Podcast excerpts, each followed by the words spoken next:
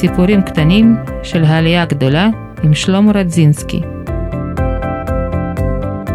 מה? מה גרם למיליון וחצי אנשים בשנות ה-90 ובשנות ה-2000 לעזוב את אזור הנוחות שלהם בברית המועצות ולעלות לארץ? תשמעו סיפור. אני צייר קודם כל. חיים של צייר זה יכולת. מצייר מה שאתה מרגיש, מה שאתה חושב, מה שאתה רוצה לראות, מה שאתה לא רוצה לראות. זה שפה, הציור זה שפה. כל בוקר שאני קם אני מתחיל לעשות ציור. אני מתפלל, אני עושה רישום, בשביל לדעת אם אני חי. אם אני עושה רישום ויוצא משהו, אז אני בחיים, אני מתחיל את היום שלי. כל יום שאתה קם בבוקר, אתה נוגע בנייר ואתה, זה כמו יום הולדת, אפשר להגיד ככה. שלום, שלום לכם מאזינים יקרים. את העונה השנייה של הפודקאסט סיפורים קטנים של העלייה הגדולה, אנחנו נתחיל עם סיפור העלייה של ליאוניד בלגלב. הצייר ישראלי ירושלמי, חתן פרס שיף, פרס ירושלים, פרס מוזיאון ישראל ופרסים רבים אחרים.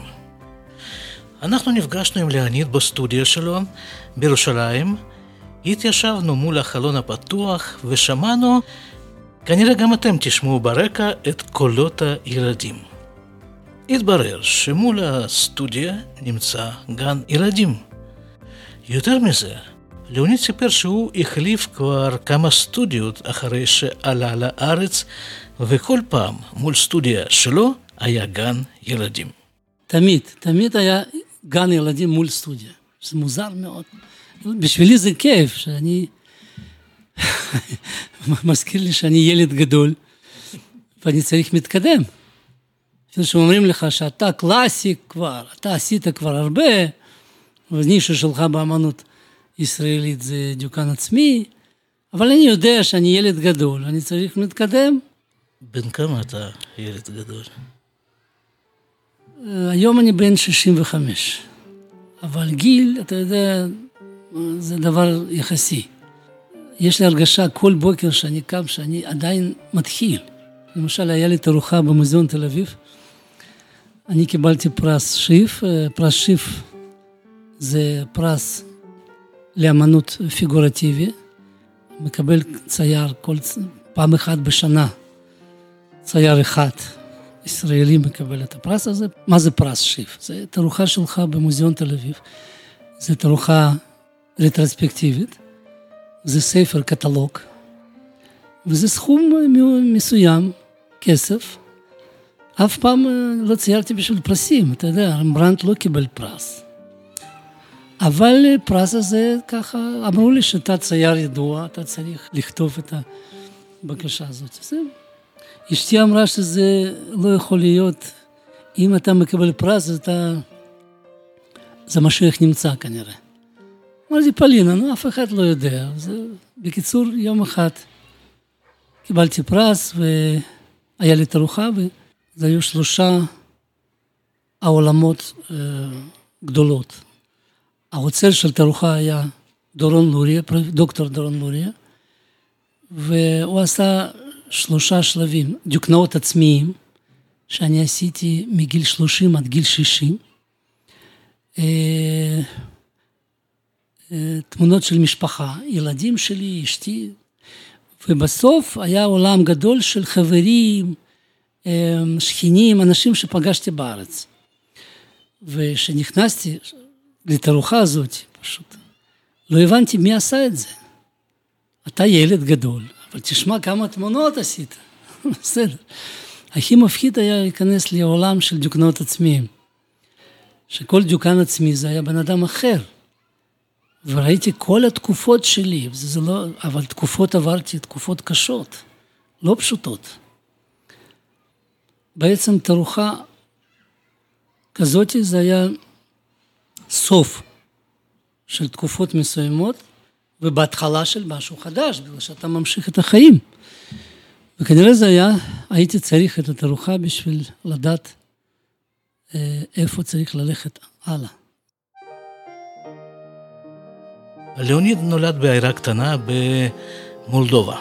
נולדתי אני במולדובה, בעיר בלצי, זה 200 קילומטר מקישיניוב, 100 קילומטר מקישיניוב.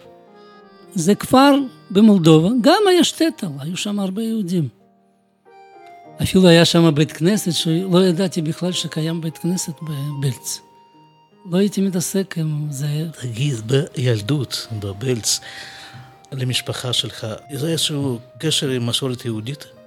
אני אגיד לך, אבא שלי דיבר יידיש עם כל המבוגרים, ואימא אמרה לאבא, פישל, אני לא רוצה שילדים דיברו יידיש, יהיה להם בעיות בבית ספר, אני לא רוצה שיהיה להם בעיות. אני מאוד אהבתי את המבוגרים האלה, כל הזמן הם נשקו אותי, חיבקו אותי, אהבתי יידיש. ופשוט אימא שמרה אותנו, לא רצתה שאנחנו מקבלים מכות בבית ספר. וככה גדלתי, לא ידעתי יידיש, ואבא פשוט היה קומוניסט, בגלל שאם אתה לא במפלגה קומוניסטית, אין לך פרנסה, אין לך עבודה, אז אבא פשוט, הוא עבד קשה מ-6 בבוקר עד 6 בערב, פשוט היה, הוא היה נגר. אבא חזר מעבודה, היה לו ריח של עצים מידיים שלו, היה לו אופניים, היה לו עיפרון פה. אבא עבד קשה. אמא הייתה לב של בית. אמא קבעה, אבא עושה. ככה. אבא חזר מעבודה, אני הייתי מקבל אופניים שלו. אבא הלך לאכול, ואני עשיתי, עשיתי סיבובים באופניים של אבא, באופניים שלו. אחר כך אבא לוקח אופניים ממני, מכניס אותו במחסן, ואני הייתי צריך לעשות ארוחה, לעשות אה, שיעורי בית. יש לי הרגשה שעד היום אני עושה סיבובים באופניים של אבא.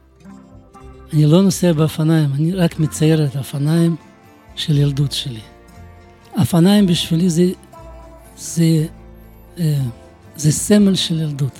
זה כמו בסרטים של פדריקו פליני, המרקולט, אתם רואים.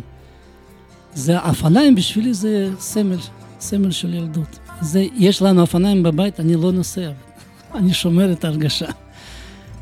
זהו, זה, זה סיפור.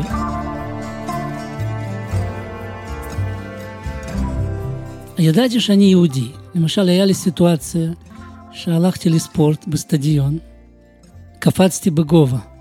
קפצ, קפצתי אה, בגובה שלי. הייתי מאוד כישרוני באתלטיקה קלה. ויום אחד אבא בא לבקר אותי בסטדיון, וכל האנשים מאוד אהבו אותי, כולם נשקו אותי, הייתי פשוט ממש ספורטאי מאוד אה, כישרוני, הייתי בן תשע, אני זוכר, שמונה, תשע, עשר. פתאום ראיתי אבא, והייתי צריך לקפוץ גובה. אני קפצתי גובה והסתכלתי על אבא, נו אבא, אתה תראה איזה ילד יש לך טוב. אבא אף פעם לא אמר לי שאני ילד טוב. לא היה לו זמן, רק אימא. ורציתי שאבא תגיד לי. וקפצתי גובה, ובאתי לאבא, ראיתי, אבא, אתה ראית איך אני קפצתי? הוא אמר, כן, ממש, קפצת. אחרי שאני חזרתי, אנשים שאלו אותי, זה אבא שלך? אמרתי, כן. הוא יהודי? אז פעם ראשונה אני שמעתי שאלה הזאת. אף, אף אחד, אף פעם לא שאלו אותי אם אני יהודי או לא יהודי. אז אני חזרתי הביתה, שאלתי, אבא, אנחנו יהודים? הוא אמר, כן. אז שאלו אותי בסטדיון אם, אם אנחנו יהודים. למה להיות יהודי? זה כל כך מוזר? הוא אמר, לא, פשוט יש אנשים שלא אוהבים אותנו. וזו הפעם הראשונה שאני עצרתי עם שאלה כזאת. אחר כך המשיכו לאהוב אותי, אבל... אה, עוד פעם, באיזה גיל זה היה? זה היה בגיל תשע. בתקופת הילדות, כבר בגיל 7-8, אה, הצייר היה בורח מהשיעורים בבית ספר. לאן בורחים ילדים מהשיעורים של בית ספר? כנראה כל אחד בכיוון שלו. לאוניד היה בורח לספרייה, מוצא שם ספרים עם התמונות של הצעירים האהובים עליו, והיה מעתיק אותם. זה היה הלימוד שלו, לימוד של אומנות, לימוד של ציור. כי לא הייתה בבלצי אפשרות אחרת ללמוד ציור. הייתי מצייר שם, והיה שם פארק בעיר.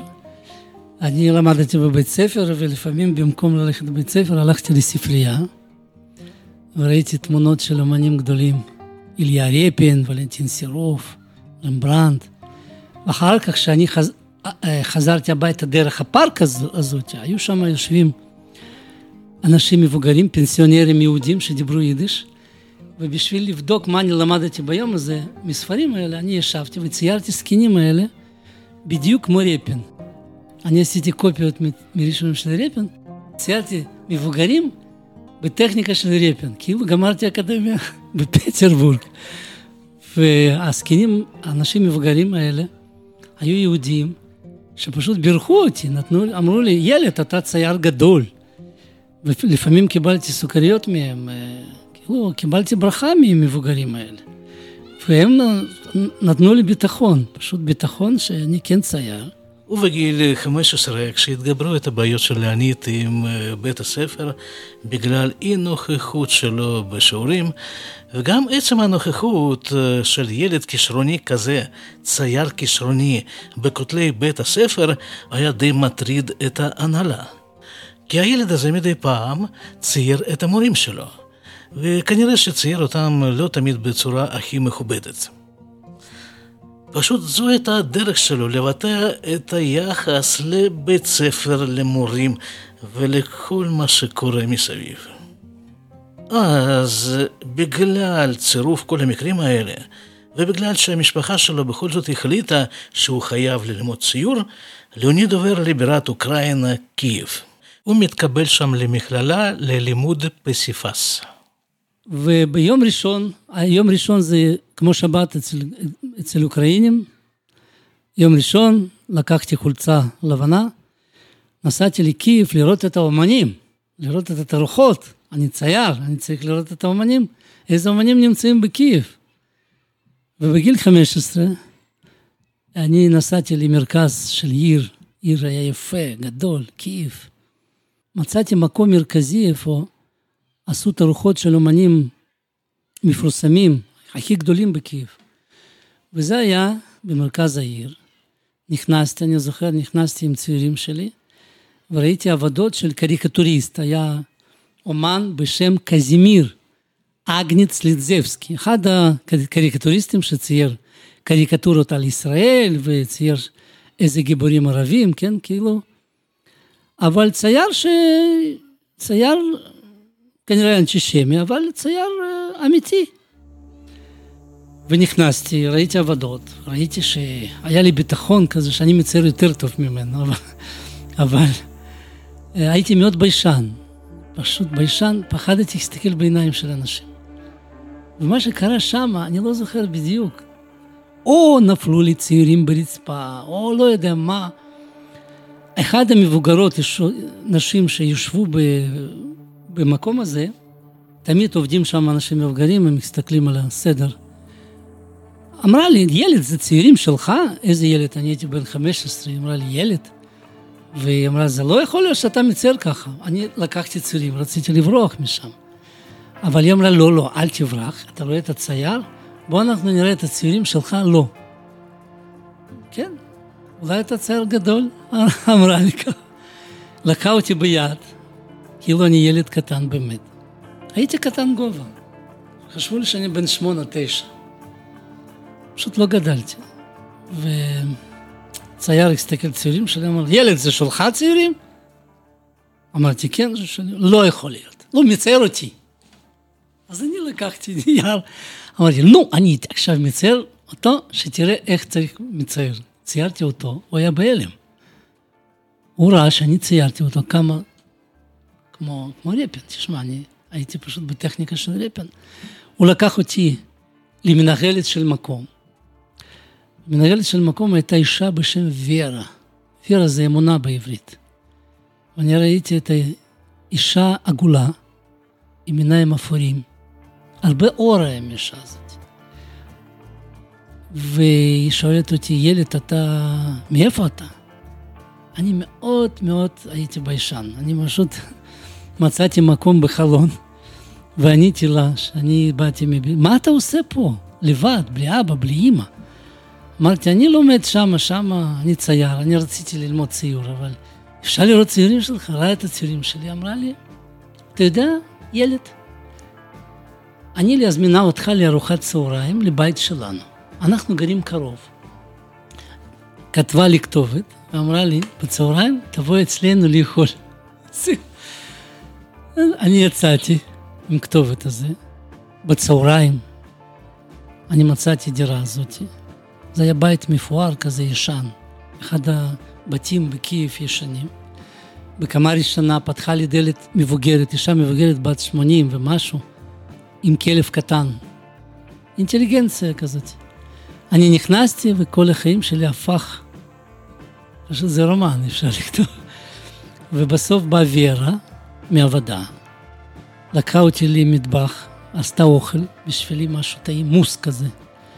אמרה, אתה יכול לאכול, טעים לך. עכשיו עוד, עוד מעט יבוא בעלי, בעלי הוא סגן אמנות של כל האוקראינה.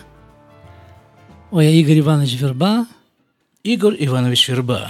איגור, תזכרו את השם הזה, אנחנו נשמע אותו עוד כמה פעמים בהמשך הסיפור. איגור, בתקופה הנ"ל הוא היה ראש מועצה של הקרן לפיקוח אומנויות. ובמקביל לזה קצין בכיר ב-KGB. פשוט לא יאמן. ואני זוכר, הוא חזר מעבודה, הסתכל אליי, ראה את הציורים שלי, וראיתי שאין להם ילדים, לא היה להם ילדים. הם היו בני, הייתי בן 15, הם היו אנשים בני 35-40. הוא היה מנהל גדול באוקראינה, והיא הייתה מנהלת של מקום את הרוחות. איך אני הגעתי?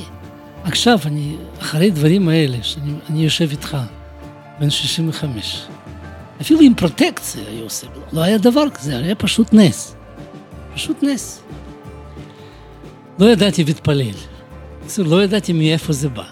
אני כתבתי מכתב לאבא ואמא, אמרתי, אמא, פגשתי אנשים טובים, זה קרה ככה, ככה, ככה. בקיצור, יגאל לקח אותי עם אוטו שלו, עם נהג שלו, ונסענו לבית ספר על יד אקדמיה אמנות בקייב, בית ספר בשביל ילדים של אומנים גדולים בקייב.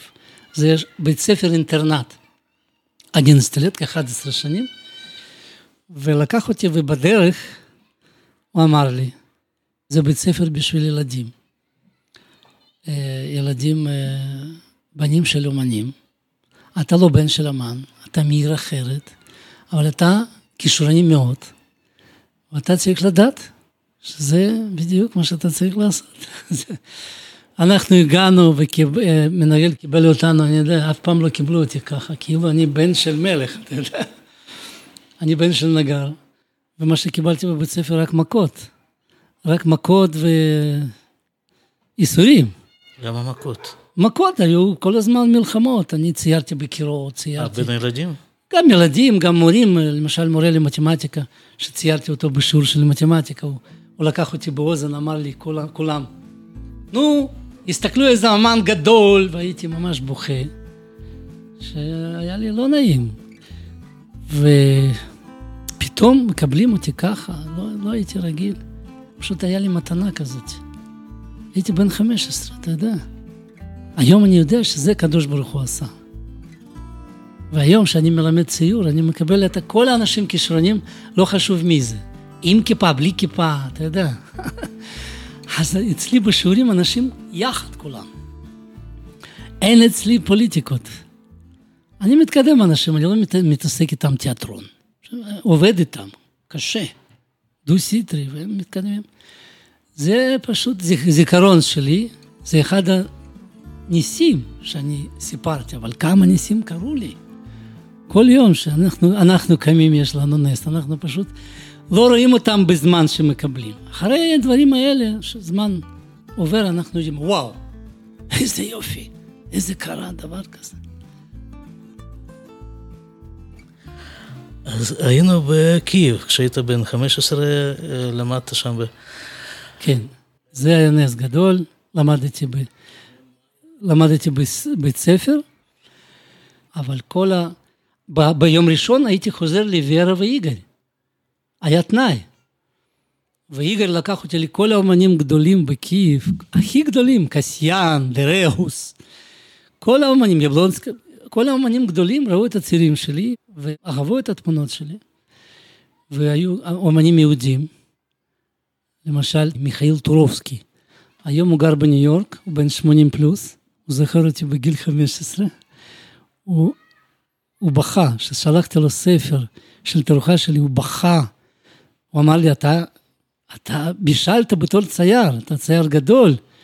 ואני כל כך שמח שעזרתי לך שהייתי בן 15, היית, היית ילד עם עיניים גדולות, כאלה, עיניים של יהודי, כן? והיינו עוזרים לך. היית אוכל איתנו, אצלנו בבית. ואני מאוד רציתי היום להיות, לעשות ארוחה איתך. בקיצור, אני קיבלתי קומפלימנט מצייר, אחד הראשונים, אחד המורים שלי. זה נתן לי ביטחון להרגיש שעשיתי משהו. ליאוניד מסיים את בית הספר לאומנות בקייב, מסיים את האקדמיה לאומנות באודסה, והשלב הבא בהתקדמות הסטנדרטית של צייר אמור להיות להתקבל לאגודת הציירים. כי לחברי האגודה היו כל מיני פריבילגיות. קודם כל הכנסה קבועה, הזמנות קבועות, תערוכות מסודרות. ובנוסף לזה סיוע בעבודה, ביצירה, כגון אולפן טוב, נופש בבתי היצירה, ורשימה מלאה של דברים נחמדים שכל צייר יכול רק לחלום על זה. ובמקום להתקבל לאגודת הציירים ולקבל כל הדברים הנחמדים האלה, ליאוניד מתגייס לצבא האדום. ושם התרחשו דברים פחות נחמדים. שנתיים צבא, בתוך הצבא פשוט היה לי דולקת ריאות, עבדתי קשה בחורף. היה לי חום 40, וקצין אמר שאתה לא רוצה לעבוד, אתה פשוט, אה, כן, בורח מעבודה, אמרתי, אני פשוט, יש לי 40, אני, יש לי חום, אני, אני נופל. הוא אמר, הנה, שתי קילומטר יש שם רופא, אתה יכול ללכת, דרך גנים. אני זוכר, אני הלכתי עם דלקת ריאות, עם חום 40, בקושי אני, אני נפלתי שם. נפלתי ולקחו אותי, בקיצור, הייתי בבית חולים, ושלחו אותי ל hospital לקייב, ממקום, עבדתי קרוב לקייב. ובקייב, בתוך ה hospital, המנהל היה יהודי. ופשוט אה, כל הרופאים היו שם, ואמרו לי, איך הסיפור כזה? לא, לא רצו, אתה, אתה חולה, ואתה אפילו היה מת שם, בעבודה כזאת. היה עבודה קשה עם צינורות, עם ברזל. ואני התקשרתי ליגאל מהוספיטל, אחד הימים, הראש של מחלקה אה, בבית חולים אמר שאתה יכול לצאת לעיר, לבקר את המשפחה שלך. אני חושב שזו משפחה שלי, זה כמו אבא ואמא. ואני באתי ליגאל, ואני... יגאל אמר שאתה נשאר אצלנו לישון, ואני נשארתי, בבוקר אני צר... הייתי צריך לחזור להוספיטל. וחזרתי וקצין צועק אליי, איפה היית? אצל איזה אישה היית? מה, כנראה שתית וודקה באיזה מקום. אז אני נתתי לו טלפון של איגר, ואני זוכר, הוא דיבר עם איגר. אהה, כן, כן. פתאום אני רואה שהוא ככה קם, קם, ולא ידעתי שאיגר הוא גנרל. אני לא ידעתי שיש לך, פתאום הוא התחיל לדבר איתי ככה. לא ידעתי שיש לך משפחה בקייב. קרובי משפחה, היית איתם, היית חולה, ככה היית צריך להסביר לי. ואחר כך היה לי חיים יותר קלים. הייתי מצייר בהוספיטל הזאת, וככה אני גמרתי צבא. נגמר הצבא, אבל uh, המטרה עדיין להתקבל לאגודת הציירים. ולצורך זה ליאוניד חוזר למולדובה. ואחרי צבא יגאל אמר שאני צריך לחזור למולדובה וייכנס לאגודת אמנים. אני חזרתי, אני זוכר אה, שאני ציירתי הייתי צריך עבודה, קיבלו אותי לעבוד, לעשות 13 אה, חברי כנסת של רוסיה, פליט ביורו. הייתי צריך לצייר את כל הסקינים האלה. ואני זוכר את הסיפור מאוד אה, מצחיק. אני ציירתי 13 או 15 חברי כנסת של רוסיה, והוועד שהיה צריך לקבל עבודה, זה משכורת בעצם, הייתי צריך לקבל כסף, אמרו לי, למה ציירת כולם עיניים שונים? כולם עיניים שונים. אמרתי, אז כולם עיניים שונים? לא. כולם צריכים עיניים אותו דבר, כמו אצל ברז'נב. ממש.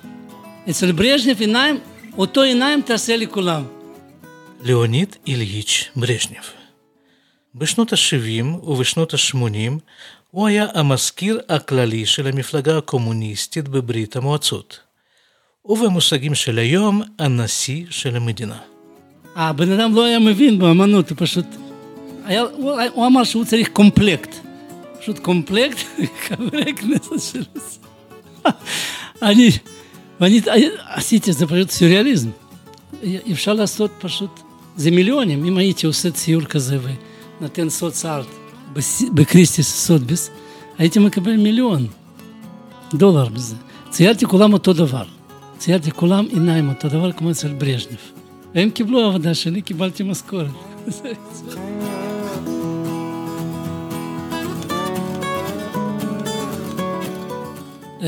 מולדבנים לא רצו לקבל אותי לאגודת אומנים. זה לא היה אוקראינה, באוקראינה היו בקלות מקבלים אותי, היה לי קשר שם. ושלחו אותי לפטרבורג, לאקדמיה, ללמוד לאקדמיה. הם אמרו לי ככה, אתה, אתה צייר גדול, אבל אתה יהודי. הוא צייר גדול, אבל הוא יהודי, בסדר, ש, שתלמד שנה עוד שם באקדמיה. אבל אני נסעתי לפטרבורג, נכנסתי לאקדמיה אמנות. איפה למד רפין וסירוב וסוריקוב, כל המורים שלי. ופגשתי שם פרופסור בשם מילניקוב, אחד האמנים גדולים של רוסיה. הוא ראה את העבודות שלי, והוא אמר לי, הוא אמר לי, תשמע, אתה כבר אמן. בעבודות שלך רואים שזה כבר כיוון שלך באמנות. אתה, אתה רוצה להיות כמו, לעשות תמונות דומים, שתסתכל, כל, כל, כל הסטודנטים שלי מציינים כמוני. כמוני, כולם כמוני. אתה רוצה להיות כמוני? לא, לא, לא שאני לא רוצה לקבל אותך. תחזור, תמשיך מצייר. זה פשוט, אני אומר לך בתור צייר. והיה בן אדם אמיתי, אתה יודע, אני קיבלתי ממנו. חזרתי, ובשנה הבאה קיבלו אותי לאגודת אמנים, לא היה להם מה לעשות, הייתי יודע מצייר, וקיבלו אותי, ויגאל היה מאוד שמח, וכל ההזמנות לדוקנאות קיבלתי מקייב. פשוט היו מתפרנסים אותי, להזמינים לעבודות. בקייב כל האמנים ידועים שהיו מכירים אותי, הזמינו את הדוקנאות של ילדים שלהם. והיה לי פרנסה. ואז היה לי פרנסה כל חודש, הייתי חבר של אגודה. איך הגעת לרעיון הזה לעלות לארץ?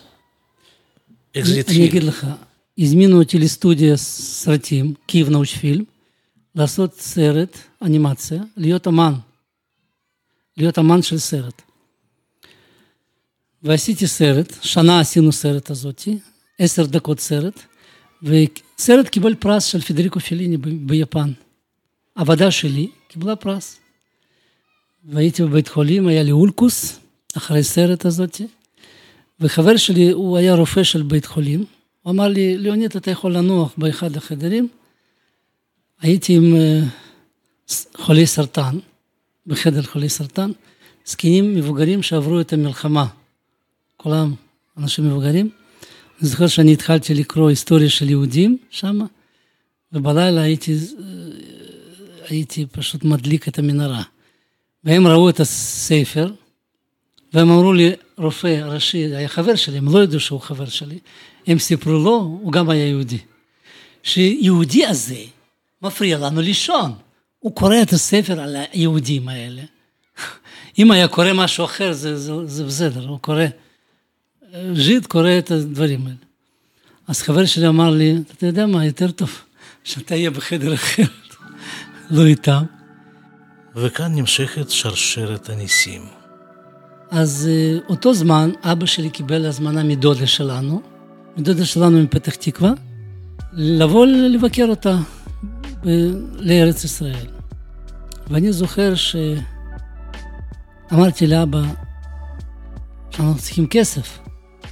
כן, להגיע לארץ ישראל צריך כסף, וגם לקנות את הכרטיסים זה סיפור מאוד מסובך וארוך. כשהייתי בבית חולים, אני יצאתי בשבת ופגשתי איזה ג'ינג'י שאמרתי לו, אני רוצה לצייר אותך. אמר, אותי בשבת? אף פעם לא שמעתי שבת. אמר, אני יכול להראות לך את בן אדם הכי חשוב בדור שלנו? אמרתי, נו, אחרי סטלין, אחרי... אתה, אתה תראה לי. פתאום הוא לוקח צילום של רבה לובביץ', ואני ראיתי רבה, פנים של רבה, פעם ראשונה. ומבט, מה זה בן אדם הזה? או, זה רבה, הוא אמר לי. אחרי שראיתי פורטרט של רבה, באו אנשים לבית חולים לשאול אותי אם אני מוכר את התמונות, אם אני רוצה למכור תמונות. אמרתי, אבל התמונות שלי יקרות. אנחנו מכירים אותך. אה, אנחנו יכולים אה, לקנות לך כרטיס בלי תור. אני פשוט אומר לך. אחרי שראיתי פורטרט רבה, הם באו לקנות ציור, הם קנו כרטיס, אני התקשרתי לאבא, ואנחנו נסענו לארץ ישראל. אחרי שאני פגשתי את הג'ינג'י הזה, עם, עם שיער זהב כזה, בקייב, הוא היה שוחט יחיד בקייב, שוחט יחיד. פה אני גם פוגש אותו, יוסי, קוראים לו יוסף. אה? הוא גר כאן? הוא גר בירושלים. אני פג... הוא... פגשתי אותו בגלריה, הוא ראה את התמונות שלי, לא יודע שזה תמונות שלי. אמר, איזה תמונות? פתאום אני נכנס, יוסי, זה אתה, ככה. כאילו השם שלח אותו. בשבת שהוא יפגוש אותי, הוא נתן לי לראות צילום של רבה, הסתכלתי פורטט רבה, חזרתי לבית חולים, באו אנשים שרצו לקנות תמונות, קנו את הכרטיסים שהיה לנו הזמנה של דודה כבר. זה מוזאיקה, אתה מבין? אני עושה לך מוזאיקה. ובקלות נסענו לארץ ישראל. ממחרת קנו לי כרטיסים, היה צריך חצי שנה לעמוד. אני מתקשר לאבא, מה אבא, לא צריך שום דבר, יש כרטיסים בשבילך ובשבילי. נסענו לי, בתור תיירים, נסענו אני ואבא, בתור תיירים נסענו לי לארץ ישראל. ואני זוכר, אנחנו הגענו לשדה תרופה, אני ואבא, ודרך קיפר, אנחנו נסענו דרך יוון. וביוון היה לנו תחנה, ואני רציתי לבדוק אם אני עדיין מצייר טוב. התחלתי לצייר אנשים שם, ואנשים שילמו כסף. אמרו לי, או, oh, אתה יכול לצייר אותי. עשיתי אלף, אלפיים דולר, ונתתי לאבא, בשביל אבא. אמרתי, הנה, יש לך בן כזה שגדל ויכול לעשות, להתפרנס. אתה יודע, אבא היה כל כך שמח שבן שלו כזה, אבא היה נגד שאני אצייר, הוא רוצה שאבא, כל אבא רוצה שהבן שלו יהיה לו או מהנדס או טייס, שיהיה לו משכורת, שיהיה לו חיים. אבל פה הוא ראה שצייר גם יכול לעשות כסף. הגענו לארץ ישראל, לדודה, לפתח תקווה, ואני אגיד לך, אני לא יכול לספר לך כל הפרטים, אבל ההרגשה שלי הייתה שהכל קל פה, כל כך רוחני. לא כמו ברוסיה, כבד, הכל ככה. שאני, הגענו לדודה, דודה קיבלה אותנו בלילה. קיבלה אותנו, ואני זוכר, דודה בודדה עם כלב קטן. הייתה עובדת בבנק, בפנסיה, ואני הייתי צריך להגיד דרישת שלום בירושלים, היה זוג אחד שהייתי צריך להגיד להם דרישת שלום ממשפחה של אומנים, מקייב. ואני התקשרתי להם, הם באו לבית מלון לקחת אותי לגילו, לבית שלהם. אני זוכר שאני ציירתי את כולם, ציירתי את הפורטרטים שלהם. הייתי כל כך שמח, כולם מדברים רוסית, לא ידעתי עברית. כי פעם ראשונה אני הגעתי לירושלים, זה היה לי הפתעה גדולה. הירושלים בעצמו. ליאוניד מתגורר בירושלים ומתחיל להיכנס לסביבת האומנים הישראלית. אז פגשתי כל האומנים גדולים בתל אביב, שטרייכמן, יחזקאל שטרייכמן, גלעדי, בית אומנים, וקיבלו אותי מאוד יפה, אתה יודע, כולם קיבלו אותי טוב כל כך. פגשתי את הראש העיר של תל אביב. אז אני ציירתי תמונות ראשונות. אני אגיד לך, שלמה, אני שכחתי הכל מה שלמדתי, היה לי רק ניסיון לעבוד בגווניות. זה כמו ואן גוק. באמסטרדם ואן גוק היה תלמיד של רמברנט. אתה מבין? והוא צייר אוכלי תפוחי אדמה. אתה זוכר את הציור אוכלים תפוחי אדמה? עם ארבע צבעים. ציור היה טונאלי, כמו רמברנט. לא היה שום צבע. אותו דבר, אצלי היו תמונות מאוד גווניים. וגם ואן גוק היה בן 30 שהוא עבר מאמסטרדם לפריז, וליאוניד היה בן 30 שהוא עבר מרוסיה לירושלים. אבל ירושלים זה לא פריז. באירופה אור משתנה כל חצי שעה, אותו אור. בארץ אור משתנה כל דקה. וכשאתה מתחיל מצייר בחוץ, אתה צריך uh, מצייר מהר. והיה לי מאוד קשה להיכנס לארץ ישראל. בתור צייר, אז בחודש הראשון אני ציירתי דברים גווניים, טונאליים, עם ניסיון שלי. אבל אה, לא נולד צבע עדיין. לא היה לי אומץ. לא ראיתי עדיין, לא היה לי. ואני שנה ראשונה ציירתי רק עם פחם, רק עם רישומים, כמו שאתה רואה. הפחם שלי זה הוא קסמי, אתה יודע, תמיד היה פחם בכיס שלי. אתה יודע, כמו בשבת, בן אדם יש לו לחם, אין לו עוגיות, אין לו שוקולד, הוא אומר, לחם זה שוקולד. עכשיו, לחם זה מרק, לחם זה עוף, עכשיו לחם זה עוגה. הפחם היה לי בכיס שלי, פחם היה שמן, פחם היה אקוורל, פחם היה פסטל. ציירתי בפחם שנה ראשונה. ופגשתי פה זוג, רב קוריץ, רב מיכאל קוריץ. אה, אני פשוט לא סיפרתי לך איך אני מצאתי נושא. הייתי, אם הייתי גר בתל אביב, הייתי מצייר עירום, או מצייר אנשים עשירים, כן? פה בירושלים, כשהייתי ברמות, ואני זוכר שאני בשבת הלכתי מצייר יהודים בבית כנסת, אתה יודע, איך אני קיבלתי נושא. והיה לי מזל שאני נכנסתי לבית כנסת חב"ד. זה היה בית כנסת. אני זוכר, הייתי כזה רוזה, היה מזגן, היה קיץ. נכנסתי לבית כנסת, אנשים עם זקן, חב"דניקים, לקחו אותי פשוט, שמו לי כיפה, הכניסו אותי לבית, לבית, לבית כנסת, אפילו הזמינו אותי לתורה. בסוף הזמינו אותי לשבת. בשבת הזמינו אותי בן אדם בשם הרב קורץ, מיכאל קורץ, נכד של אקדמי קורץ, חבר של איינשטיין, אתה יודע, היה פיזיקאי אחד. איינשטיין, לנדאו וקורץ, קורץ היה חי ברוסיה, הוא היה נכד שלו, שעשה גיור. הפך להיות יהודי ועשה רב, רב קורץ, ואשתו, סווטה, סימה קורץ, יהודיה מקאונס. היה להם הרבה ילדים. אז אני קניתי דברים, אתה יודע, להיות אורח, איפה יש ילדים, הרבה ילדים, אין להם הרבה כסף, אז אני קניתי מיץ, קניתי חלות, קניתי דברים. אורח מוזר כזה, הגעתי לשבת למשפחת קורץ ברמות, ואני זוכר, אני בשבת הייתי בהלם, אני ראיתי ילדים עם טליתות. כולם דומים לי, כשהייתי קטן. כאילו חזרתי לילדות שלי, אתה יודע, ילדות שלא היה לי. לא היה לי שבת, אבל כולם דומים לי, כל הילדים עם עיניים כאלה. ואני זוכר, אני לא הייתי אוכל שום דבר, היה שם בחורה אחת, הם הזמינו בחורה, חשבו אולי יש שידוך. אני לא זוכר, אני לא דיברתי, לא אכלתי, פשוט הייתי בהלם כל השבת. בסוף אני הזמנתי כל המשפחה לדירה שלי, וציירתי את כולם. ציירתי את מיכאל קורץ, ציירתי אשתו, ציירתי ילדים, והם היו בהלם שאני ככה מצייר. כשהייתי להתאפק בשבת, אני תמיד ציירתי כל יום, ובשבת לא ציירתי.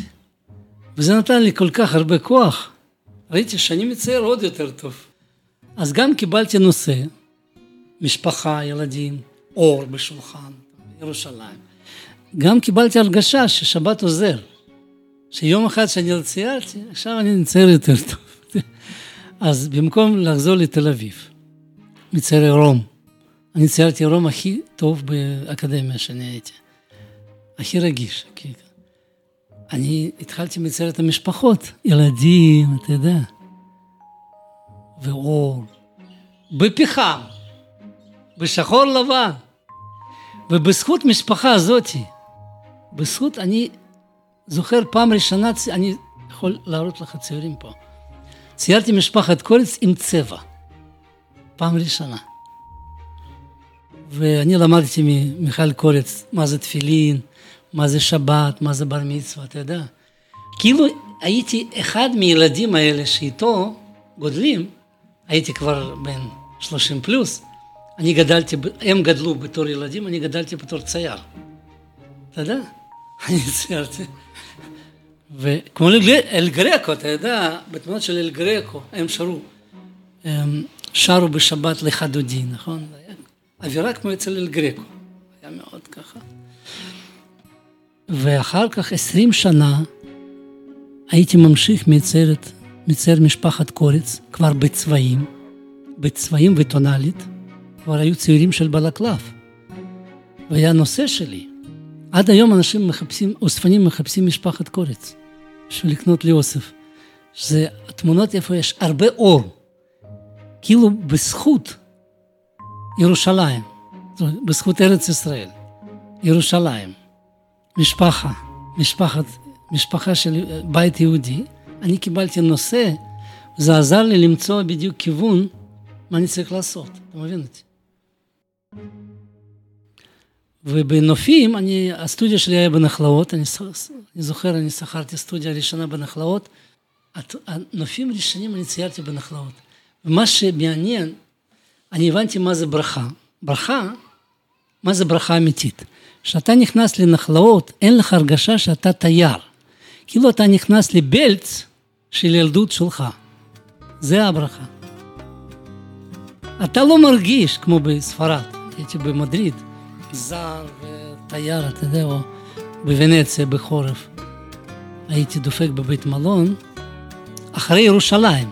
אם הייתי בא מרוסיה לוונציה, הייתי נשאר בוונציה. איזה סטטוס היה לך? אתה באת לדודה, אז היית אה, תייר? אחרי, אחרי שאני אה, קבעתי נשאר פה, הלכתי לי, הלכתי ל...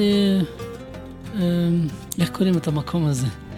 משרד הקליטה, עשיתי תעודת, תעודת עולה.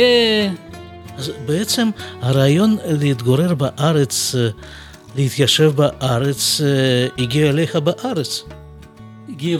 לפני זה לא, לא חשבתי. לפני זה לא ידעתי שיש ירושלים בשבילי, שיש בשבילי ארץ ישראל. בארץ אני הרגשתי ש... שזה מתנה.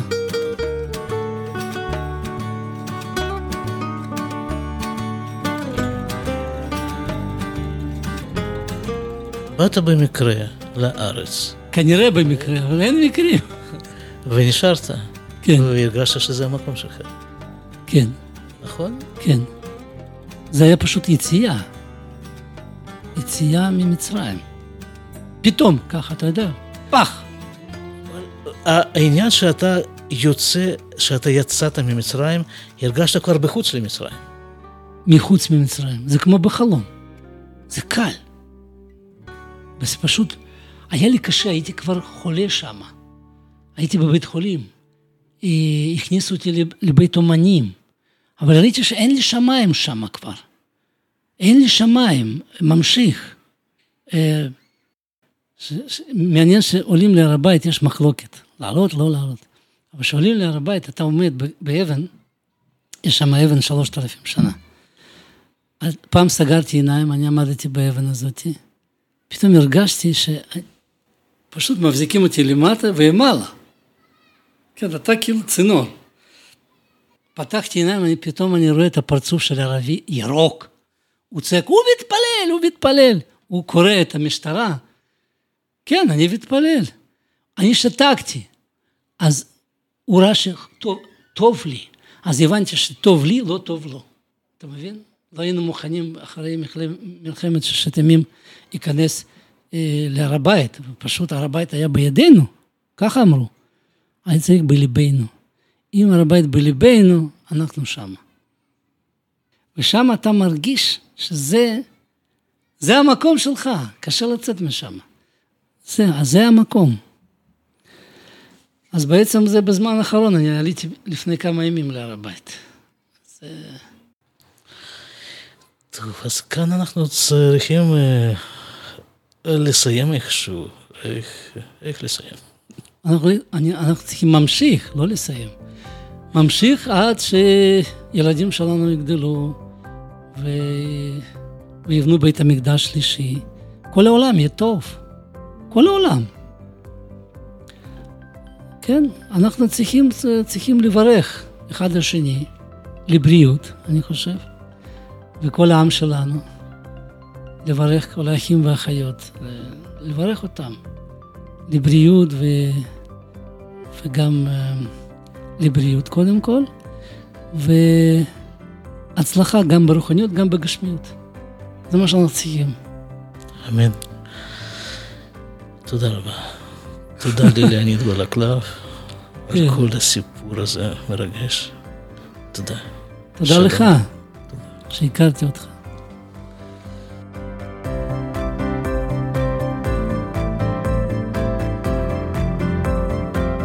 תודה לכם שהייתם איתנו, תודה שהקשבתם. תכתבו לנו בדף הפייסבוק של הפודקאסט, את כתובת הדף תמצאו בתיאור של הפרק, ותשמעו. תשמעו את הסיפורים הקודמים שלנו, תשמעו את הסיפורים הבאים שלנו, ותפצו את הפודקאסט בין החברים שלכם. סיפורים קטנים של העלייה הגדולה. תודה ולהתראות.